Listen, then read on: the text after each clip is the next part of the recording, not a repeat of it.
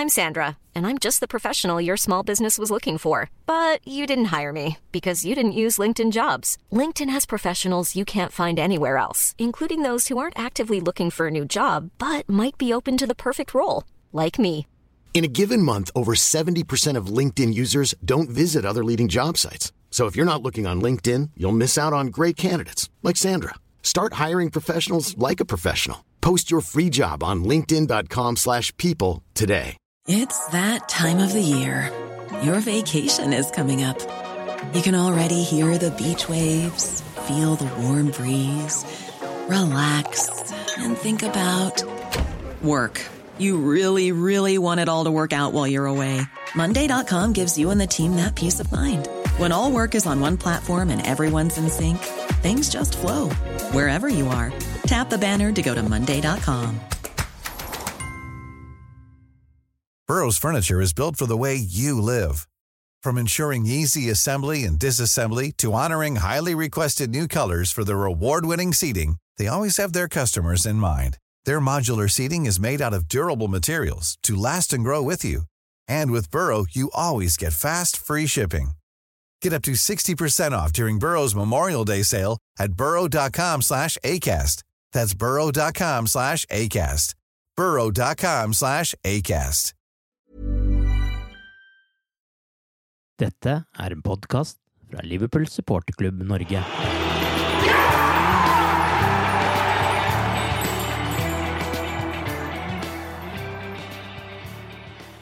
Det har nå gått over en måned siden Liverpools siste kamp. Fortsatt leder Liverpool Premier League med 25 poeng. Ni kamper gjenstår å spille, men ingen vet ennå når eller hvordan de skal gjennomføres. Velkommen til en ny episode av The Cop-Out-podkasten.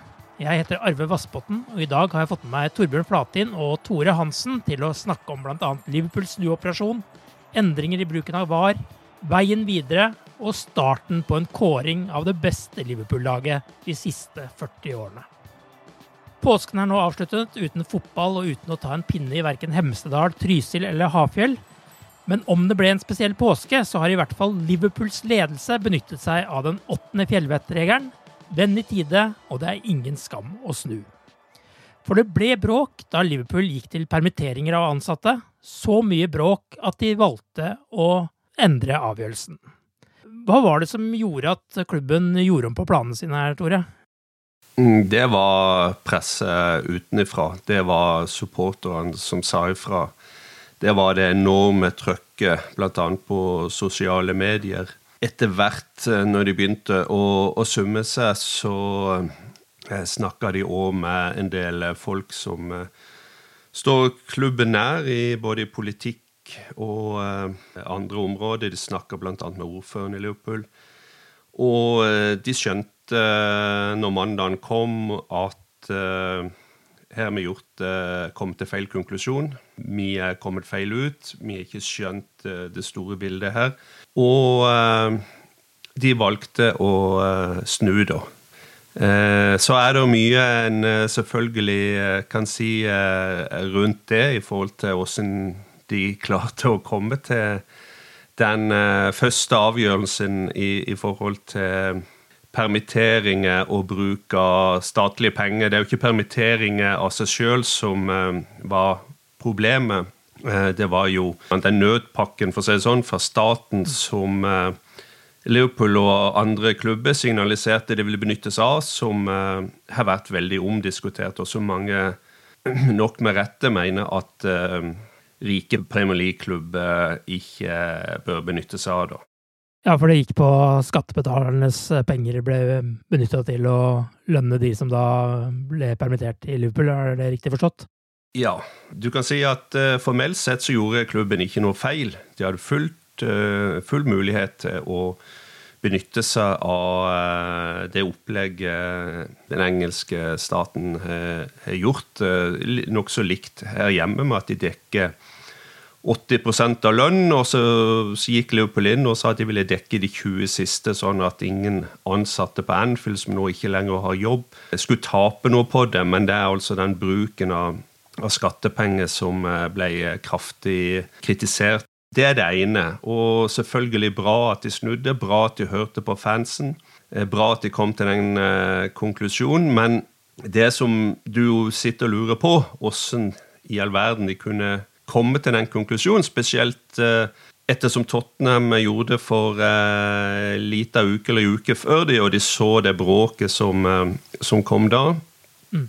Nå har jo Tottenham òg snudd eh, på det området, sånn at eh, ingen av de store klubbene eh, har valgt å, å, benytte seg av den ordninga. Men jeg tenker litt, hvordan har den interne kommunikasjonen gått her? og eh, Hvorfor eh, fanga de ikke opp kritikken som kom mot Tottenham? Hva, hva, skjedde når de begynte å summe seg og skjønne at her er det gått eh, feil? Her har vi landa på feil konklusjon. For de kom igjen med dette åpne brevet, som de gjort en tre-fire ganger før i FSG sin eh, snart tiårige historie. Mm. Men denne gangen så var det ikke eierne som eh, signerte, men det var CEO eh, Peter Moore. Og eh, det er litt sånn ti år på Anfield, ti år med de samme eierne, ti år med tre-fire ganske store feil, da, for å si det rett ut. Du forventa egentlig noe annet. Hva med deg, Torbjørn? Hva tenker du om denne situasjonen her? Eh, har de på en måte undervurdert litt eh, reaksjonene som ville komme i en by som Liverpool eh, rundt en slik ordning? Ja, det er jo litt overraska hvis de har gjort det, da. Eh, det burde, de burde jo egentlig ha lært. Eh, nå vil jeg jo først si at eh, det er lov til å ombestemme seg. Mm.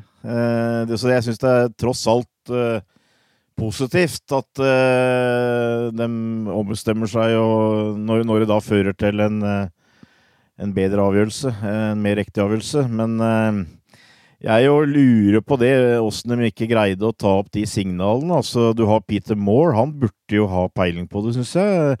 Du har ansatt nå Tony Barrett eh, som en sånn eh, fans liaison, altså som skal være en sånn link mellom fansen og klubben. Eh, tidligere Liverpool-journalist. Eh, jeg regner jo med at eh, dem i hvert fall har blitt spurt, selv om det kanskje var Mike Gordon og FSG som eh, i utgangspunktet tok, uh, tok den opprinnelige avgjørelsen her. Uh, det veit jeg ikke, men uh, det er jo ikke altså det er, det, Som sagt, som Tore har vært inne på, altså det har jo skjedd flere ganger før at dette er noe som FSG Altså engelsk fotball, hele, hele den geskjeften der, altså det det har de ikke full oversikt over, og det har de tydeligvis, uh, føler jeg vel, fortsatt ikke full oversikt over når det gjelder fansen uh, og de mekanismene som er der. Men at Jeg trodde kanskje de hadde hatt, fått folk på plass nå som, som, greide å snappe opp og, og hindre sånt noe. Så, så, jeg er litt overraska. Mm. Samtidig så, så, så syns jeg det er bra at at de ombestemmer seg. Og så syns jeg kanskje at det av og til også ikke er så dumt at uh, vi oppdager det at alt er ikke rosemalt allikevel i Liverpool Football Club. Mm. Altså det er, eh, det, er, eh, det er, amerikanske investorer som sitter og trykker på knappene her. og uh, for all del, jeg oppfatter ikke dem som skurker på noe som helst måte. og Jeg tror, jeg tror i og for seg at de prøver å, å gjøre de riktige tinga. Men det er en business, eh, det er et merkevare som de har kjøpt. Eh, eh, og som de har foredla, kan du si. Ære være dem for det. Men når det kommer til slutt, så er det en investering. Det syns jeg kanskje at det av og til er greit å bli gjort oppmerksom på, så at det kanskje ikke blir sånn at det blir helt sånn at det, den blir oppfatta som noen riddere som kommer inn på hvite hester, holdt jeg på å si, og, og alt er bra. At, øh, når det gjelder sånt. Altså. Det, det, er en del av virkeligheten, øh, føler jeg. Så det, det syns jeg kanskje kan være litt greit. At øh, vi, er, vi er, har grunn til å være stolt av veldig mye Liverpool FC, men vi er også en del av den businessen som kalles Premier League. da. Jeg syns det var et interessant poeng Torbjørn hadde rundt eierskap og for så vidt dagens eiere. For i en by som Liverpool uansett hvem som eier Liverpool FC, så vil de aldri 100% bli stolt på. Eh, de, det vil alltid være en, en, en, skepsis. Eh, kanskje mer enn en sunn skepsis òg. I forhold til, til andre klubber i den, i den, store verden. Men, men Liverpool er en uh, klassisk uh, arbeiderklasseby. Uh, de har vært gjennom det meste de 10-15 siste årene når det gjelder eierskap og kjøp og salg av klubben vår. I, i tillegg så, så, tror jeg nok at når det gjelder penger, finanser, folk som Kom inn og kjøpe klubben. Aldri, som sagt, eh, helt for får eh, komme inn under huden på den mest hardbarka kjernen av support. Og det, det så en jo Har jo sett flere ganger før òg. Og sist i sommer med forsøket på å bruke logoen som, som klubben ville. med du føler at det er, en, det er en del ting som skjer da, som bare gir en del unødvendig eh, negativ publisitet eh, rundt klubben. Eh, og at den eh, følelsen av å være en enhet og følelsen av å være en eh, familie oftere enn du ønsker, blir knust. da. Iallfall forvitra. Og det, det, har vi sett nå igjen. Dette blir huska, dessverre. En del eh, bare ruller videre og sier eh, greit, eh, vi er kommet til rett avgjørelse, men for en god del så er det noe som blir, blir, blir huska lenge. Og det bygger bare opp under den, den, følelsen at du kan aldri stole på hva skal du si, rikmannsfolk som kommer inn og, og uh, blir eiere av klubben. Så er det jo mange underpunkter rundt det igjen. Det ene er litt avhengig av det andre. ikke sant? Så, men sånn er nok perspektivet for, for mange som er die hard røde og, og, og bor på Mercyside. Hva tenker dere skiller Liverpool-supportere fra andre supportergrupper når det kommer til sånne type saker som dette her? Dere har vært litt inne på det, men undervurderer eierne som er i Liverpool, hvilken vaktbikkje de har på utsida av eh, kontorene sine? Jeg tror nok i hvert fall at de har gjort det før. Mm. Men de burde ikke gjøre det nå lenger, syns jeg. Uh, den burde ha skjønt, si, når, det er 10 000 som på en måte marsjerer ut av en kamp fordi at uh, billettprisene er for høye, så uh, burde jo det sende noen noe meldinger, holdt jeg på å si. Men det er litt vanskelig å forklare. Altså, det, det går noe på at det bare ikke blir akseptert på Mercyside. Altså, det vil være det samme med f.eks. billettpriser. Altså, det, det, vil være det samme hvis de føler at Eh, fansen eh, trekker det korte strået. At uh, det, det, er klart dette er litt spesielt akkurat med de permitteringene og de greiene der, men det, det, går litt på det samme. At tross alt, en stor, rik klubb skal ikke utnytte mannen i gata. Han skal ikke mm. Det ville jo også vært indirekte røde supporter som var, ble på en måte delaktig i dette her. Og det tror jeg, det tror jeg er viktig i Liverpool. Jeg veit ikke om det er enestående, men eh, det er, det er noe spesielt. Og, og det, det, ligger liksom i hele byen og folket, føler jeg at uh, det er ting de bare ikke aksepterer. De aksepterer ikke å, føle at de blir litt uh, tråkka på, og, og, da sier de fra. Mm. Så, så det, det, går litt på det der. og det, er klart, FSG de kommer fra en litt annen verden. altså amerikansk idrett, amerikansk kultur, for å kalle det det, det er nok litt annerledes. Der går det f.eks. veldig mye på å selge alle sesongbillettene har, og da har de gjort det, så er de fornøyd, på en måte. Så det er, det er litt eh, det er en litt annen dynamikk der, og det er tydelig at den greier ikke FSG fortsatt helt å ta inn over seg, føler jeg. Men eh, jeg er jo på en, på en, måte så er det veldig spesielt at uh, det må på en måte eierne til Liverpool FC igjen må krype litt til korset, men uh, samtidig så blir det jo fortsatt uh, litt stolt, syns jeg, at vi Det er, er Liverpool-fansen som står opp og står fram, og det har vel vært reaksjoner i enkelte andre klubber etter som du føler på, på en måte følger etter, da. Mm. Vi, vi, vi går foran. Det er selvfølgelig positivt at de lytter på fansen at de hører på tilbakemeldinger som kommer, vurderer situasjonen på nytt og velger å snu. Så, så all kred til de for det. Men jeg er helt enig i at eh, de skulle ha lært. For hvis jeg tenker ti år tilbake i tid, så var det jo nettopp fansen, supporterne, som redda klubben når de eh, jaga Hicks og Gillette, cowboyene, ut av byen og bana vei for FSG.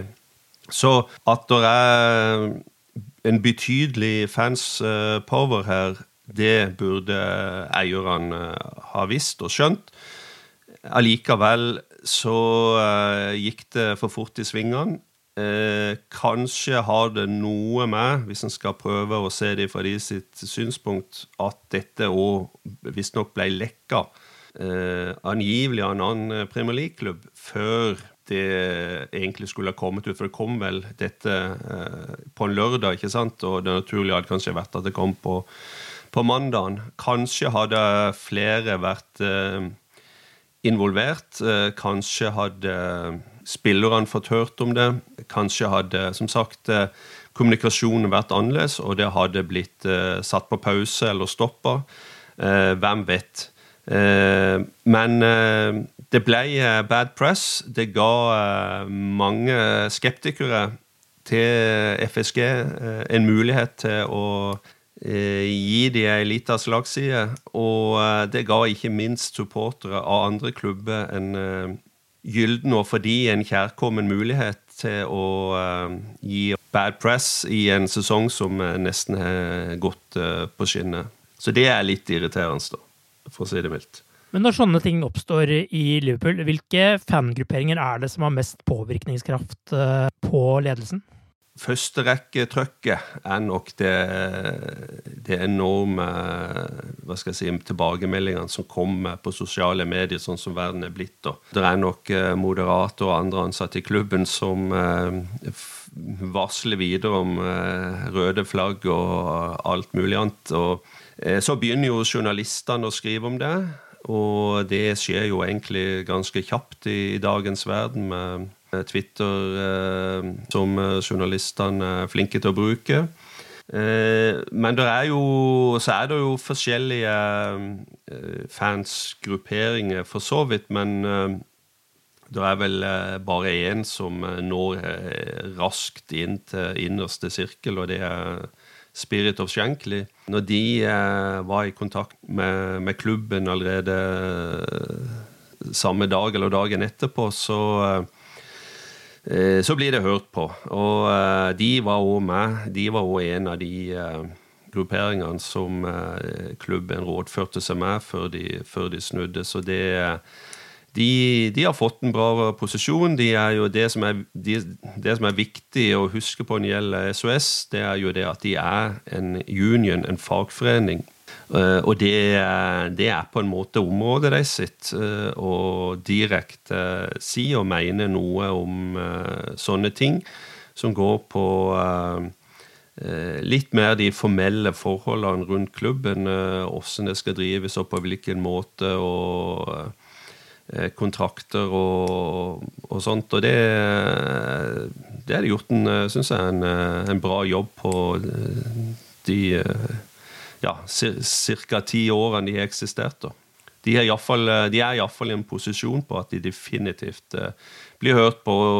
Så er det jo alltid sånn at det er jo ikke alltid en blir enig, eller råd, innspill blir tatt til følge. Så, men det, de, de, var en bra pressgruppe, og jeg vil nok tro at når de kom på banen, så sjekka klubben raskt med, med, andre for å høre om de hadde samme synspunkt. Folk som eh, de, de, vet de kan lene seg på i sånne situasjoner. Så, og det tror jeg de raskt fikk tilbakemeldinger på, at uh, her er det uh, ting dere virkelig må se på.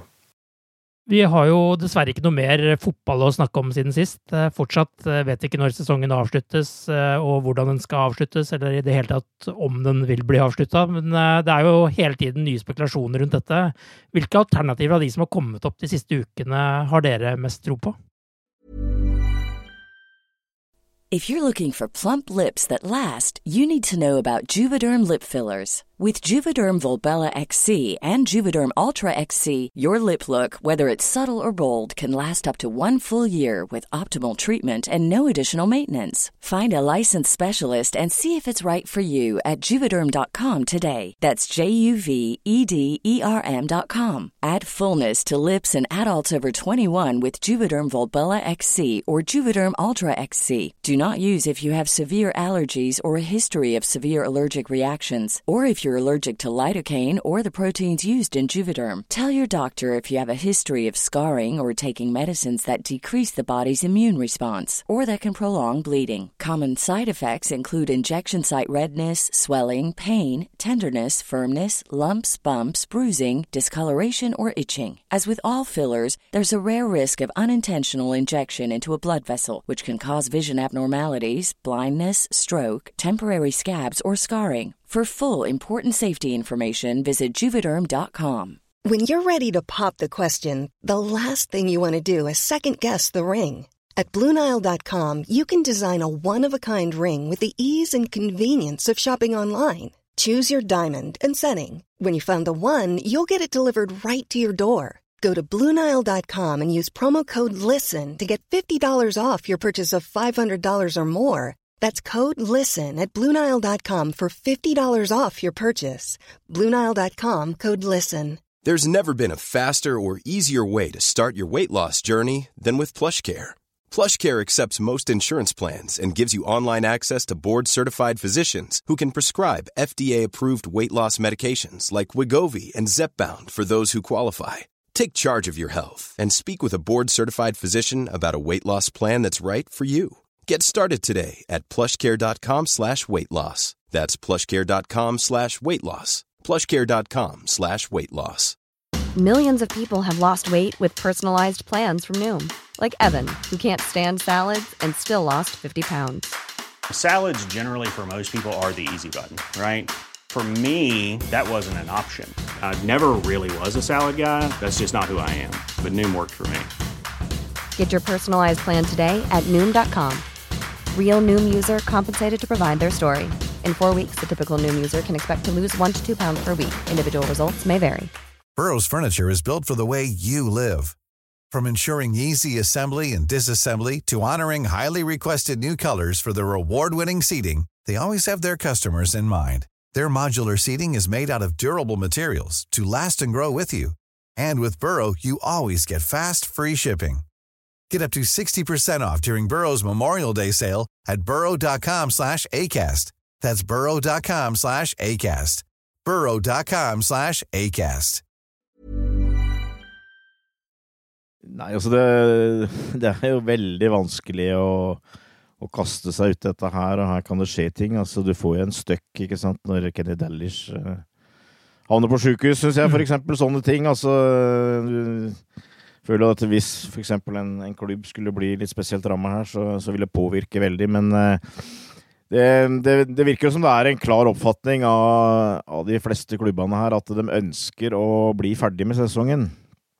Og, og de er påvirka av at det er en del TV-penger som du risikerer å miste hvis du ikke fullfører sesongen.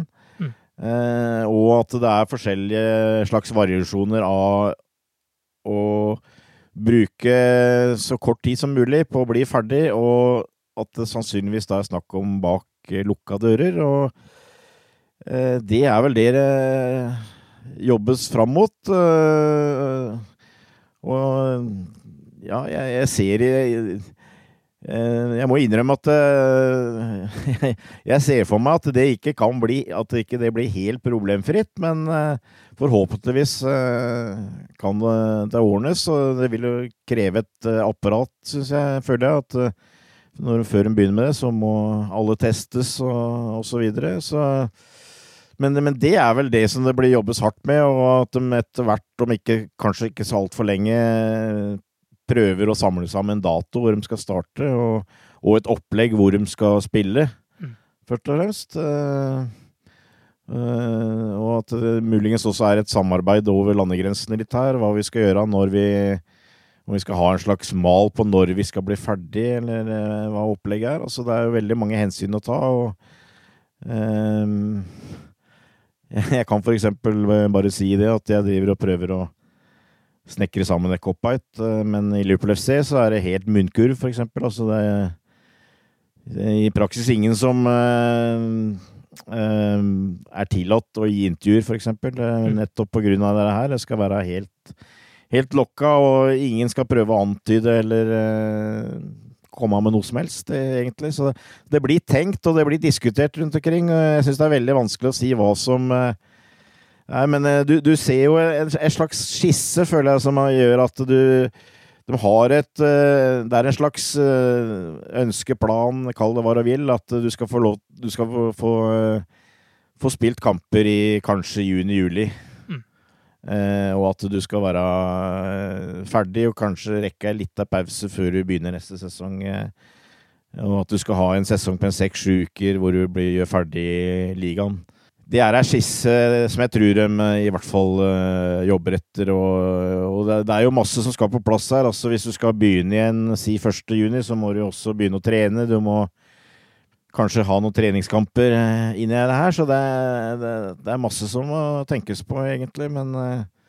Apropos det du sa om munnkurv. Eh, det ble jo kjent i, her om dagen også at nå skal jo Sky og disse andre rettighetshaverne få lov å få litt intervju med spillerne og klubben igjen, men uh, med forutsetning om at de ikke får lov å stille spørsmål om eventuelt når sesongen blir avsluttet, og hvordan de vil ha det, osv. Så, videre. så det er jo tydeligvis en ganske klar holdning i hele Premier League om at de ikke har lyst til å svare på den type spørsmål, blant annet. Og i det hele tatt, de var ikke så veldig interessert i å stille opp de intervjuene, så det blei noen klare forutsetninger for å gjøre det. Men uh, Tore, vi har jo snakka litt om disse scenarioene tidligere også. Vi har jo i starten vært negative til at man skal spille for tomme tribuner. Det er vel en tanke som kanskje har modna litt mer nå de siste ukene. og For egen del, jeg, skulle gjerne hatt litt fotball på TV igjen nå. Ja, det er helt sikkert.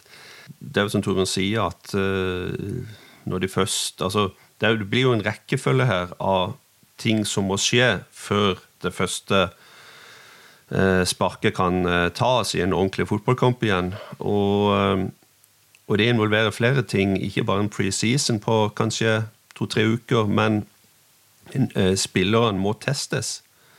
De må sjekkes at de ikke har virus. Og i England per dags dato så er det fullstendig kaos. De, de som står i første linje, NHS-folk, de har ikke utstyr til å sjekke de engang. Så det er, er, en del ting eh, som må på plass. Du, du, føler vel kanskje at de klarer å finne i ordning, men det er klart at her er det harde prioriteringer, og fotball eh, sånn som vi ser det nå, står ikke i, i første rekke, altså.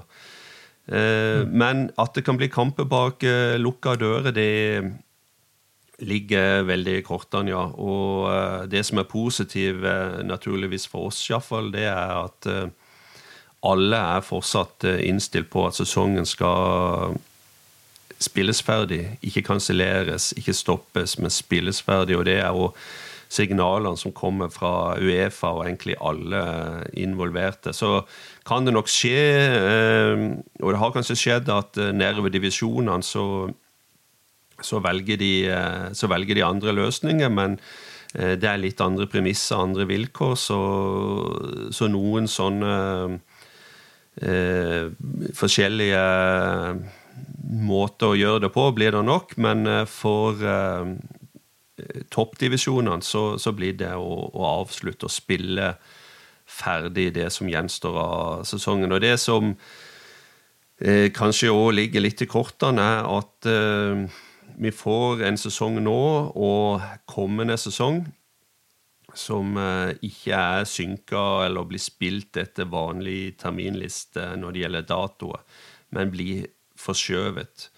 Eh, og så eh, blir det å komme så noenlunde a jour igjen fra, fra, neste høst og bruke sommeren i år, sommeren neste år, og antagelig kutte ut de pausene som, som kan kuttes ut. De har jo fått en hviletid nå, og det blir jo en hviletid igjen før neste sesong eh, startes, regner jeg med. Så det er litt sånn jeg ser på det, men ja, det, det blir nok et par runder med um, lukka dører. Det, det, tror jeg nok.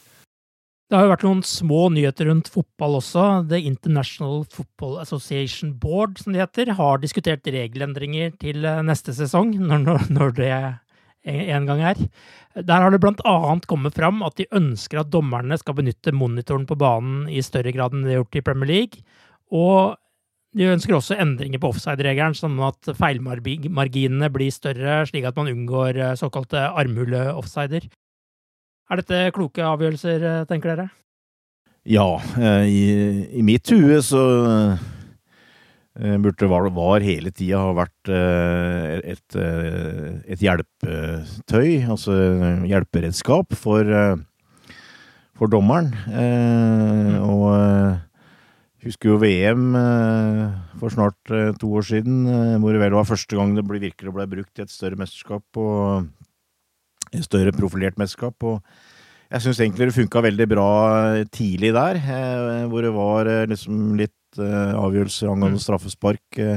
Ja, litt sånn større avgjørelser. Men så følte jeg kanskje at de ødela det litt utover mesterskapet ved å, ved å ta opp for mange situasjoner, og det blei for mye venting osv. Men stort sett så syns jeg det, det, var et positivt opplegg.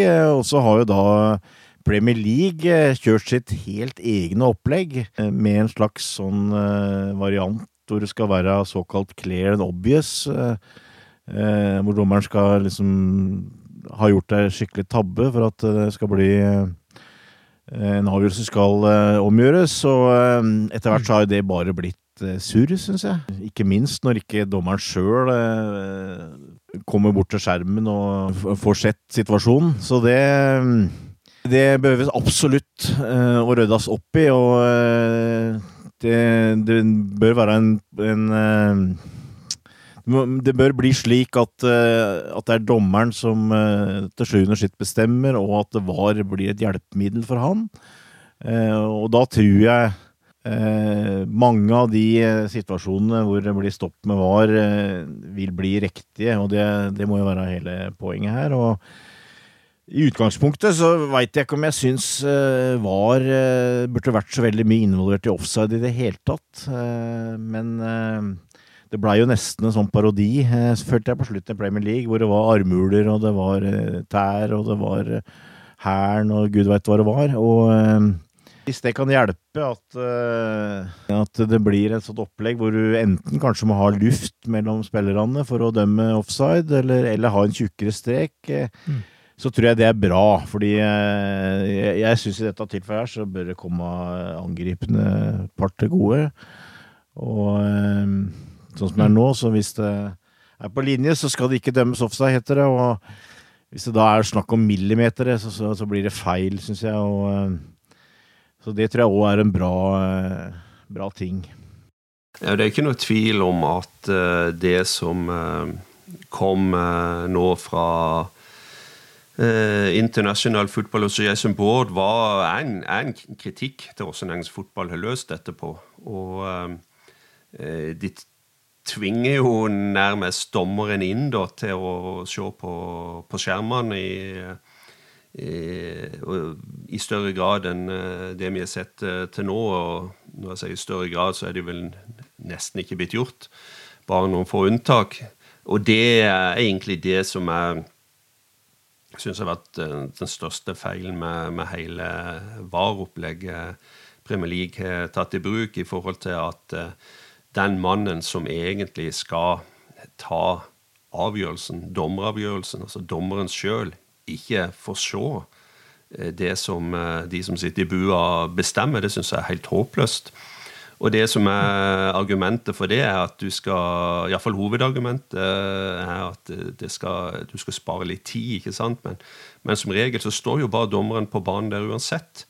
Og åssen eh, de, de enn eh, velger å gjøre det Eh, så, så, er, så, har de klart å, å, sause det litt til. Antagelig hatt gode hensikter med det, men det har ikke fungert. Og at det nå kommer, kommer endringer, det, det syns jeg helt uh, på sin plass. Og helt enig med Torbjørn på, i forhold til, til offside-regelen. Um, det, det har, jo, har, jo, vært en av de tingene, den armhule-offsiden eh, f.eks., er jo det som har tatt eh, kanskje lengst tid med, med, alle disse oppmålingene og bildene som skal studeres, og hvilket bilde som eh, er rett å bruke og alt, alt det greiene der, det det, det, har ikke vært eh, til det beste. Og eh, for meg så har fotball heller aldri vært eksakt vitenskap. Det er ikke, derfor, det, er ikke det som har fascinert meg med fotballen. Det er ikke derfor jeg følger fotball. Eh, men selvfølgelig, du kan eh, sikkert si at det har blitt eh, flere korrekte eh, avgjørelser. Det, det, er jo i utgangspunktet bra, det. Men er en, er en total allikevel som må vurderes, som, som nå egentlig Premier League kritiseres for. da. Så er det vel òg eh, kommet noe om, eh, om, straffespark, og at altså når keeper beveger seg, seg, ut fra mål, så er det bare når straffesparket reddes at det skal tas om igjen. Var det ikke noe sånt òg? Så det, det, det syns jeg òg er helt greit. Nå til høsten så er det jo 40 år siden eh, du, Torbjørn, starta denne supporterklubben sammen med Pål Christian Møller. Eh, I den forbindelsen så tenkte vi å sette i gang en kåring av den beste elveren gjennom disse 40 årene. Og vi kommer jo til å legge ut en avstemning på liverpool.no etter hvert om det, men eh, du har fått i oppdrag å plukke ut noen kandidater som man kan velge mellom her. Kan du si litt om den utvelgelsesprosessen og hva du har lagt vekt på når du har eh, funnet fram eh, dine kandidater? Ja, det er vanskelig å eh, prøve å konkret summere opp hva jeg har lagt vekt på når jeg har plukka ut de spillerne som skal være med i avstemningen om vårt lag de siste 40 åra. Det kommer til å være mange meninger om det, føler jeg. og det er mange meninger om spillere, så, så det er litt vanskelig, men jeg kan, jeg kan prøve. Eh, jeg føler at eh, det bør være en spiller som har vært fast, eh, spilt regelmessig på et lag over tid. et pluss hvis den har vært over, over flere sesonger, syns jeg. Sjøl om er, er en veldig god spiller og har spilt over en litt kortere periode, så det er klart han er også høyst aktuell, og heller, heller vurdert det kanskje mer enn at de har enkelte skåringer eller mm. enkle situasjoner som det vil bli huska for. Eh, prøv å ta et eksempel, så eh, har jeg ikke med Divo, Divok Origi, for eksempel. Jeg føler han er en spiller nå som du ikke kan si eh, bør, bør spille regelmessig, eller er regelmessig inne på laget. Samtidig så har du at han har bidratt med et eh, par øyeblikk som, som vil bli huska, mm. med skåringer i semifinale og finale i Champions League. Og seiersmål på, mot, uh, mot Everton osv. Men uh, i, i, mitt hue så, så sklir den utafor, egentlig. Da har jeg heller lagt vekt på spillere som har bidratt uh, mer regelmessig over tid. Uten å si så mye om hver enkelt spiller, kan du ikke ta en liten gjennomgang av de som uh etter hvert uh, vil komme opp på denne avstemningen. Det kan jo bli noen endringer der, kanskje, men uh, i hvert fall det som er uh, lagt opp til til nå. Så, når det gjelder keeper, så er det, er det, litt enklere enn kanskje litt lenger fram på banen. fordi i Liverpool så var det jo gjerne sånn at en keeper sto ti år av gangen, og sånn var det. Nå har jeg, har jeg vel egentlig tenkt å ta med Ray Clemens, sjøl om han så vidt bare var inne på 80-tallet, men han, han, var tross alt med å vinne serievinnercupen eh, i 1981. Og det er en tre-fire spillere fra det laget som jeg har tatt med, som eh, kanskje ikke hadde så noe særlig lengre karriere, på, karriere etter det på Liverpool, men eh, jeg føler at det, den tilhører den historien vår. Og så har du Groblar, som sto 80-tallet, og, og, må være med. Og David James skal vel også være med. 90-tallet. Eh, noe mer omdiskutert keeper, kanskje. Og så har du et par eh, det siste i dette, eller dette århundret. Eh, Jersey Dudek, Pepper Reina, som tross alt har eh, satt sitt preg på det. Dudek blant annet i Istanbul. Og, og Peppe hadde vel bare seks sesonger på rad. Så de er med, men det er også Alison Becker.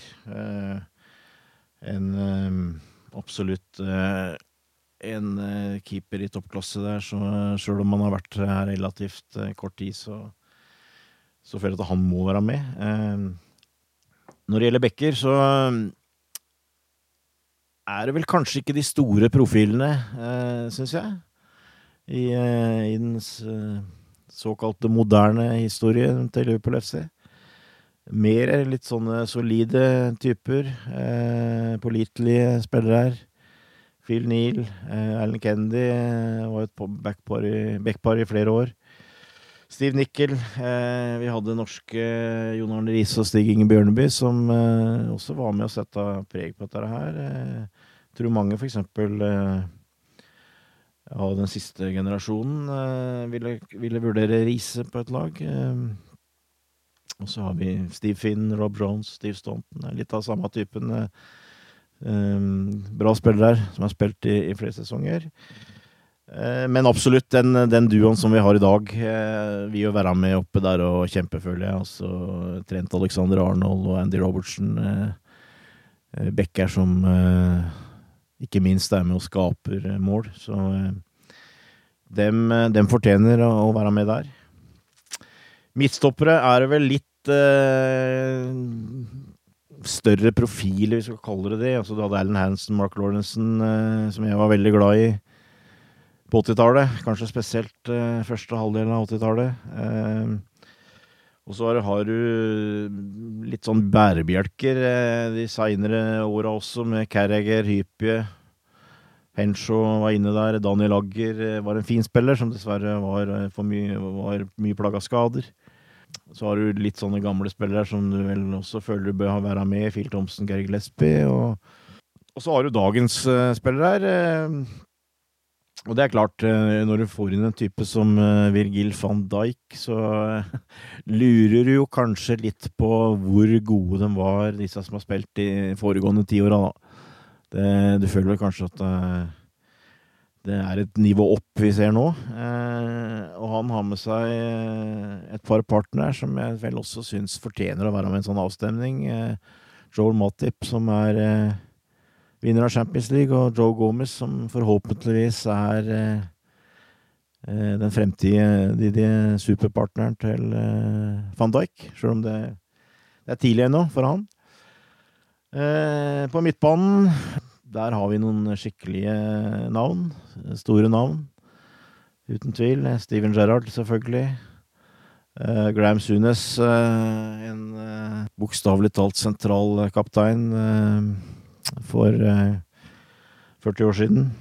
Og eh, vi har en type som Samuel Lonzo, som kanskje er en sånn spillertype som jeg tror enkelte fans eh, kan ha som sin favorittspiller, på den typen han var, med, med de, det overblikket og de pasningene han hadde. Den elegansen Hvor kul han var, ikke sant? Jan Mølby i i ja. min generasjon. Eh, kanskje litt av det samme. Eh, Sjøl om eh, Jan var nok eh, først og fremst eh, god på midten av 80-tallet. Og så har du kanskje også en type som Gary McAllister, som du selvfølgelig kan diskutere om burde være med, men han som hadde en kort periode her, men som satte jo sitt store preg på den året vi vant til trøbbel med med en periode hvor han satte inn frispark og straffespark, og, og um, du, så, du, så, hvilken fotballspiller med stor F uh, han var. Um, så har du um, andre sle, hva skal jeg si, profiler. Terry McDermott, som var med i den finalen i 81, blant annet. Uh, Seinere Ronny Wielen, som uh, var uh, på Liverpool i. Ti, ti Steve McManaman, stor profil på 90-tallet, som har valgt å ta med på, på midtbanen, egentlig. Og selvfølgelig de som har vokst opp på 90-tallet med, med McManaman Fowler. Uh, vi antagelig har to, uh, to, store navn der. Philip Coutinho, omdiskutert. kanskje ikke like stor stjerne for enkelte nå etter en overgang til Barcelona, men utvilsomt en en populær spiller eh, når han var på sitt beste i Liverpool, og som jeg også har valgt å ta ham på midtbanen. Ray Kennedy er en annen som spilte i 81. Så har du litt sånne spesialister som eh, Didi Haman, Javier Mascherano, Fabinho i dag, altså midtbaneanker, som er, eh, som er også veldig viktige i et lag. Og så begynner det å, og, og da begynner det å gå mot dagens spillere her. Um, med, med Jordan Henderson, eh, som jo har hatt en strålende sesong eh, i år, og, og, forrige sesong også. Eh, Gini Vinaldum. James Milner er vel liksom litt sånn på grensa. hva vi vurderer. Det kan godt hende James sniker seg inn her, men det, det, begynner å bli trangt om, om plassen der da.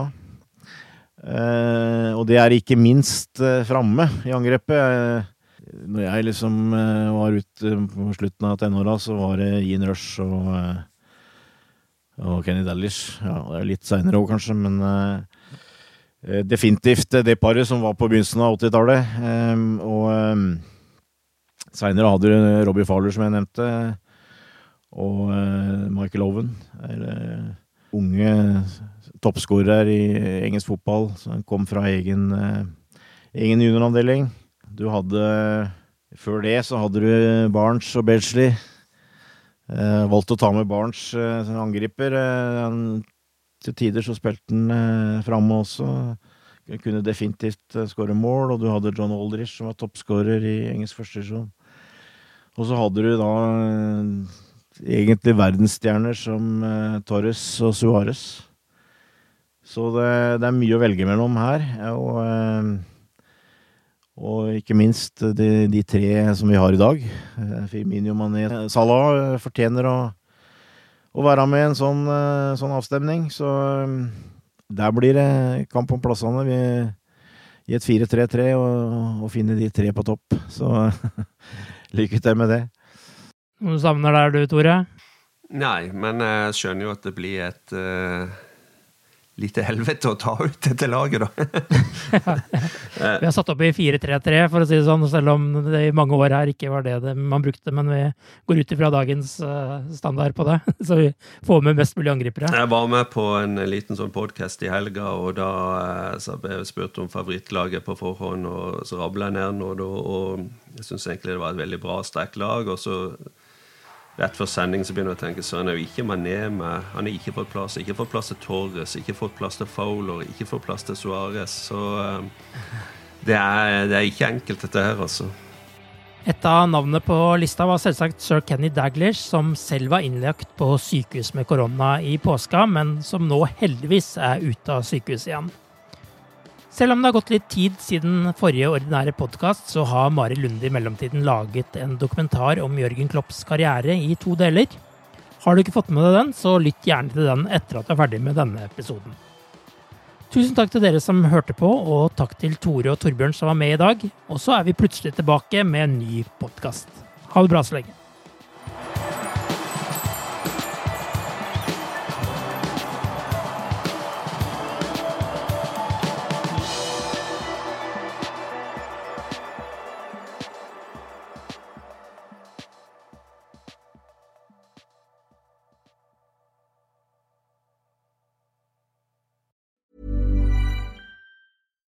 Here's a cool fact a crocodile can't stick out its tongue.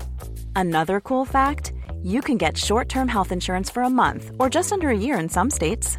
United Healthcare short term insurance plans are designed for people who are between jobs, coming off their parents' plan, or turning a side hustle into a full time gig.